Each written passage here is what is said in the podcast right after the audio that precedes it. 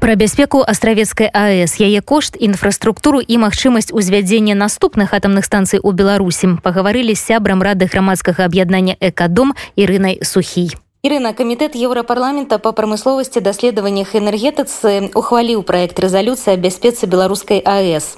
Плануецца, што дакумент будзе разгледжаны на наступным тыдні. Патлумачце калі ласка, што гэта за дакумент і калі еўрадэпутаты яго падтрымаюць, чым гэта Беларусі і АС пагражае. Мы приветствуем э, инициативу э, комитета, разделяем беспокойность европарламентариев запуском э, белорусской АЭС. Как бы очень сложно оценить, э, как э, эта резолюция может повлиять на процесс запуска атомной станции. К сожалению, оценивая действия сейчас белорусских властей, они перестали уже заботиться о своем международном имидже и не очень обращают внимание на какие-то такие вещи.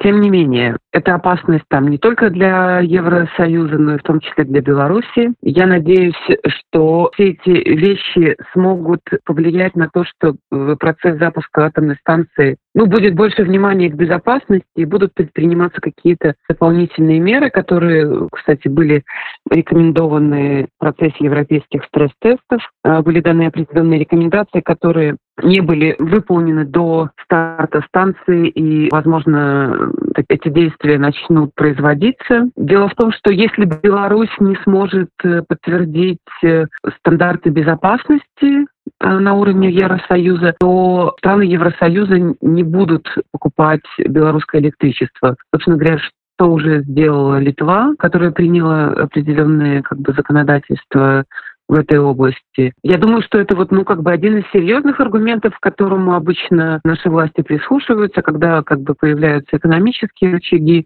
все становится более влиятельным. Бяспека беларускай АЭС выклікае шмат пытанняў у Беларусі і ў Литве. У вас таксама ёсць пытанні да бяспекі? Конечно, к сожалению, правительство велось непрозрачно. У нас не было доступа ни к документам проверок по каким-то слухам от местных жителей или рабочих, которые работали или на АЭС у нас была информация о различных инцидентах. Вот были какие-то инциденты, которые при строительстве были признаны, как там, типа, вот уронили реактор и потом его поменяли. Кроме этого, был еще целый ряд других инцидентов, и наверняка мы не знаем про все. И мы не знаем, какие меры принимались э, по устранению тех недостатков. Э, была информация, причем она была из нескольких источников. Э, мы предполагаем, что это действительно случилось, что при физическом пуске АЭС, при тестировании охлаждающих систем, там э, случился инцидент, который привел к выходу из строя одного из э, танкеров для охлаждающей жидкости. И мы не знаем, это починили, не починили. После этого все равно продолжался этот физический запуск АЭС. И там, типа, запускали реактор. То есть в этом случае не работала одна из э, дублирующих систем охлаждения реактора. Такие вещи вызывают огромную беспокоимость, потому что именно вот такое отношение и привело когда-то к Чернобыльской аварии, когда было давление со стороны номенклатуры, чтобы делать какой-то там эксперимент, а здесь у нас идет, конечно же, давление по поводу того, что нужно быстрее запускать станцию. Э, вот физический пуск был приурочен к выборам, то есть 7 августа назначили его стремительно, при этом там поменяв законодательство, чтобы не нужно было выдавать лицензию на эксплуатацию, а лицензия выдастся, когда будет промышленная эксплуатация. А это значит, что не были проведены оценки безопасности полностью станции. Как бы э, нарушения на нарушении происходили во всем этом процессе, и это как бы позволяет не доверять состоянию атомной станции и подвергать сомнению то, что она готова к вводу в стопроцентную эксплуатацию. Вы уже узгадали так, что при запуску первого блока возникают постоянно проблемы, але ўлады кажуць, што гэта на вось такі нармальны тэхналагічны працэс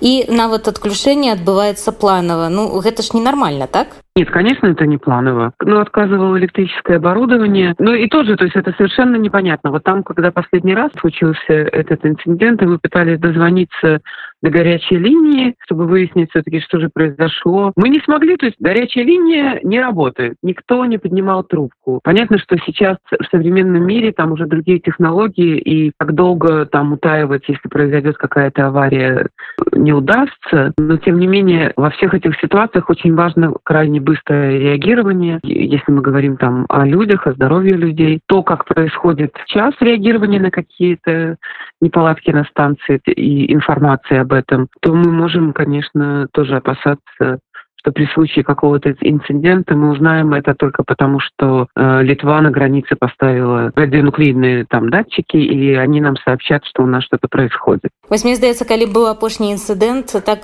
было заявлена што радыацыйны фон вакол станцыі ў норме так і все тады напружыліся да. дело в том что то есть скорее всего там действительно все было в норме потому что пока слава богу все проблемы они касаются в основном электрического оборудования но с другой стороны если оно там отказывает вообще это тоже влияет ну, собственно говоря что случилось в фокусиме когда отключилось электричество то невозможно было заглушить реактор без этого поэтому там э, произошел расплав активной зоны и выброс радионуклеидов. Поэтому, когда они нам говорят, что ничего страшного, это у нас здесь электрическое оборудование, не реактор у нас э, портится, это не значит, что это безопасно. Сёння вось уже чарговы раз з'явілася інфармацыя калі ў прамысловую эксплуатацыю так будуць запускаць першы рэактар сказалі што гэта першы квартал гэтага года А вось на вашу думку ці гатовы першы рэактар да такой прамысловай эксплуатации есть несколько вещей на которые я бы с точки зрения людей которые занимаются эксплуатацией запуском атомной станции обратила внимание одна из них это то что вот все это происходит и производится в ситуации политической политического кризиса и э, как бы крайней нестабильности, дополнительные риски, которые связаны с тем, что если будет какой-то инцидент, а у нас все силы тянуты и направлены на то, чтобы подавлять протесты, вместо того, чтобы там спасать людей. Другая вещь, что те рекомендации, которые были по безопасности выданы НСРЭГом, это Ассоциация европейских атомных регуляторов э, вот в процессе стресс-тестов, их еще не выполнили, и что, безусловно, мы все время говорим говорим о том, что станции нужно запускать после того, как будут выполнены все рекомендации по безопасности. И, конечно, в идеале надо было бы провести независимую инспекцию готовности атомной станции к эксплуатации. Потому что, ну вот у меня совершенно нет доверия к нашим и не нашим, то есть к российским, соответственно, к Росатому и к белорусским организациям, которые занимаются строительством и эксплуатацией атомной станции. А незалежная экспертиза это кто? МАГАТЭ те кто? Ну, вы знаете, что вот все как-то так на МАГАТЭ, МАГАТЭ. МАГАТЭ – это организация, если мы откроем какую-нибудь Википедию, там будет написано, которая занимается там развитием и пропагандой атомной энергетики. У всех почему-то ощущение, что МАГАТЭ – это контролирующий орган. У МАГАТЭ есть единственная в мандате записанная контролирующая функция о нераспространении ядерного оружия. Зачем они должны следить очень внимательно? Это с тем, чтобы технологии мирного атома не начинали использоваться для создания ядерного оружия в тех странах, в которых строятся атомные станции. По поводу безопасности атомных станций, они оказывают коммерческие услуги по запросу страны. То есть все время наши пишут, что приехала такая миссия МАГАТЭ, такая миссия МАГАТЭ. Это, значит, белорусы пригласили эти миссии, чтобы те каким-то образом оценили состояние и дали какие-то рекомендации. На самом деле, по нашим сведениям, которые тоже, они такие не публичные, у МАГАТЭ были большие проблемы э, во время этих миссий получения определенных документов, еще чего-то. Но когда они выходят после миссии на пресс-конференцию, они говорят, мы очень довольны Беларусью, как она прекрасно все здесь строит. Хотя, то есть в реальности там были проблемы, там есть вещи, которые они не смогли э, оценить, потому что у них не было доступа к какой-то там документации или к чему-то еще. Но это не озвучивается. Ну, как уповать на то, что МАГАТЭ за нами проследит, не проследит. Я скорее бы думала, что это могли бы быть э, представители вот из э, организаций, подобных вот Госатомнадзору в каждой стране, где есть атомные станции, есть э, национальный вот этот регулятор. Все национальные агентства, они независимые, на них не может влиять правительство, на как бы их оценку и принятие решений. Э, в европейских странах это возможно. И когда мы пытаемся объяснить, что Госатомнадзор это у нас не независимая структура, которая там может остановить запуск АЭС, если она будет считать, что там что-то не так. А европейцы спрашивают, а вот вы приведите факты, почему она не, не независимая. И тут ты понимаешь, что вот ну как объяснить цивилизованному европейскому человеку, что в стране, в которой не работают законы, там правовой дефолт, э, госструктуры работают либо на страхе, либо там, не знаю, на какой-то вот этой лояльности, о какой независимости можно говорить э, какой-нибудь э, государственной структуры. Из Литвы таких специалистов треба запрашать? Из Литвы, из э, Финляндии, из Франции. Ну, например, вот насколько мне известно, в Финляндии Росатом сейчас тоже начинает строить атомную станцию. Но уже несколько лет они не могут получить лицензию на строительство, потому что финский регулятор, когда он инспектировал значит, проект атомной станции, они были не удовлетворены качеством проекта, и а, именно как раз к вопросам безопасности были вопросы. И они вернули обратно Росатому из проекта и сказали, что вы должны его там типа улучшить и что-то там переделать, ну не знаю я детали. А там такой же проект, как и белорусской, так, АЭС? Да, почти. То есть, в смысле, реактор тот же, но там другая система. Если у нас градирни, то там другая система охлаждения. Ну, а реактор тот же. Вот отношение серьезного регулятора к тому, как строит Росатом. Белорусы все в порядке, начали строить вообще без проекта. Поглядите, и без проекта, и зараз с рынками сбыту проблема. Кредит на нас висит. На вот что увогуле улады Беларуси у этого все увязались. Как бы одна вещь – это вот любовь э, к каким-то помпезным проектам и вещам. Другая вещь, я думаю, что Росатом был довольно серьезно заинтересован в этом проекте. И это было определенное тоже там э, давление и влияние России на то, чтобы продвинуть этот проект. А они же в какой-то момент хотели построить еще в Калининграде атомную станцию. То есть это такая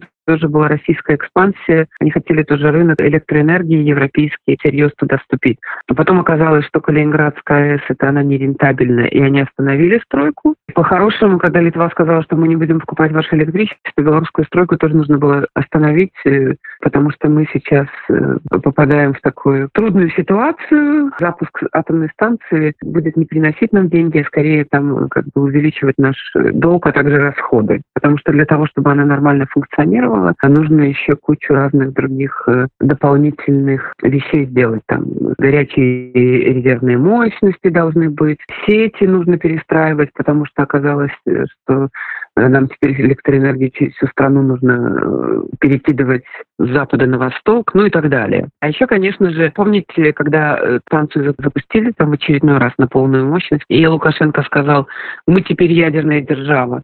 Вот еще один как бы аргумент э, по поводу, почему у нас появилась эта атомная станция. Ирина, а что там, расскажите, как решается проблема с отпрацаваным ядерным палевом? Она никак не решается, потому что была принята стратегия, в которой говорится о том, что э, отработавшее ядерное топливо э, будет ездить в Россию, там как-то частично перерабатываться, и все такие как бы довольные. Но Россия по своему законодательству не может принимать ядерные отходы на захоронение, поэтому то есть они там переработают, э, заберут полезные элементы, и все остатки все равно вернут нам. Проблема хранения вот радиоактивных отходов пока вообще не решена, потому что нету даже площадки для сухого хранения отработавшего ядерного топлива, то есть оно не было предусмотрено проектом, что, в общем, очень странно, потому что, ну, горячие эти твеллы, вынув из реактора в Россию вести, то есть это невозможно. Как бы станции уже запустили, и которые уже нарабатывают эти радиоактивные отходы. А что сделать с ними не, не решено, площадки для хранения не выбрано, даже строительство не начато. Ирина, и вот недавно Гусаков з Академії наук выказался, что мало нам одной станции, нам яшчэ патрэбна дзве ці тры. Якая высновка на вашу думку верагоднасцях узвядзення нулевая. Прогнозы того, что значит, в Беларуси будет стремительно расти потребление электроэнергии, такие прогнозы были 10 лет назад, когда там начинали строить АЭС. И у нас не только не выросло потребление электроэнергии, оно даже упало. У нас нет такого роста экономики, роста производства и необходимости. Опять же, тоже происходит технологический там прогресс. В определенных там процессах, наоборот, происходит уменьшение э, потребности в электричестве. Ну, с другой стороны, в любом случае экономика растет. И если мы там тоже говорим о современных технологиях и перехода там к электромобилям, еще к чему-то, то как бы электричество действительно потребность будет расти. Но с другой стороны тоже э, технологии возобновляемых источников энергии, они развиваются, они уже конкурентоспособны с э, вот этими источниками из э, ископаемого топлива. И понятно, что через 10 лет, то есть атомные вот такие станции э, уже будет вообще... То есть а сейчас уже технологии прошлого века. Через 10 лет это будет смешно. Я думаю, что просто уже атомная энергетика к тому времени будет э, сходить э, действительно на нет. Цепляться за нее вместо развития современных как бы чистых технологий — это вымышление непросвещенного человека, несмотря на то, что он академик. Нагадаю, што беларускую АС мы абмяркоўвалі сёння сябрам рады грамадскага аб'яднання экадом ірынай сухіх.